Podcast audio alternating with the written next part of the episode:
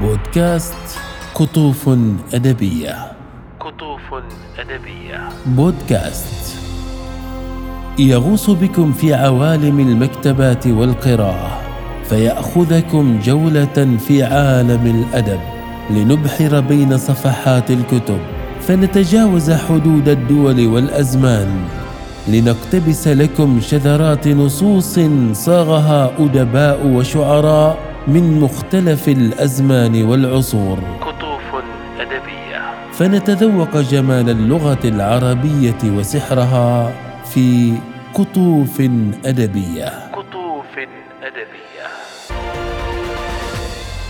هذا البودكاست من إنتاج فريق صقر الجزيرة. قل للمليحة في الخمار الأسود ماذا فعلت بناسك متعبد؟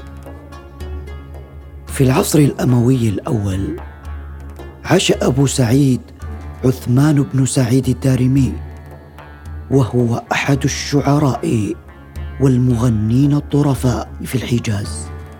كان يتشبب أن يتغزل بالنساء الجميلات إلا أنه عندما تقدم به العمر وترك نظم الشعر والغناء وتنسك وأصبح متنقلا بين مكة والمدينة للعبادة وفي إحدى زياراته للمدينة التقى بأحد أصدقائه وهو من أهل الكوفة بالعراق يعمل تاجرا الذي أتى إلى المدينة من أجل التجارة. ويحمل من ضمن تجارته خمرا عراقيا ومفردها خمار وهو ما تغطي به المرأة رأسها فباع التاجر العراقي جميع الألوان من تلك الخمر ما عاد اللون الأسود. فشكى التاجر لصديقه الشاعر الدارمي عن عدم بيعه للون الأسود. ولعله غير مرغوب به عند نساء أهل المدينة. فقال له الدارمي لا تهتم بذلك فإني سأنفقها لك حتى تبيعها.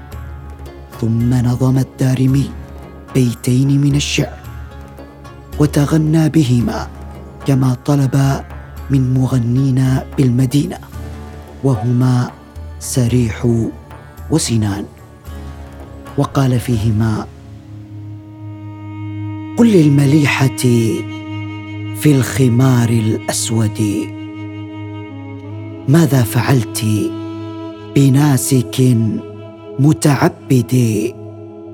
قد كان شمر للصلاة ثيابه حتى وقفت له بباب المسجد وأضاف إليهما.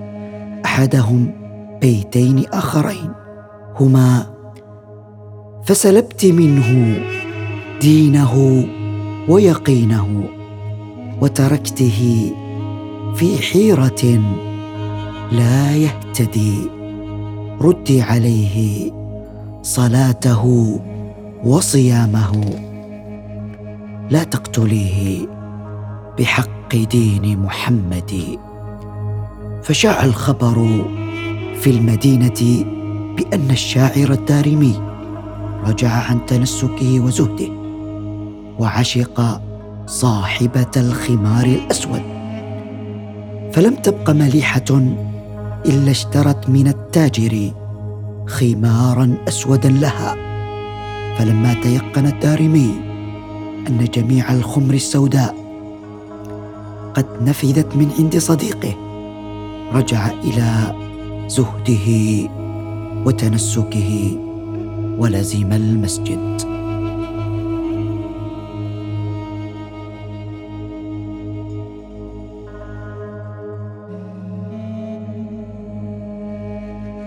بودكاست قطوف أدبية.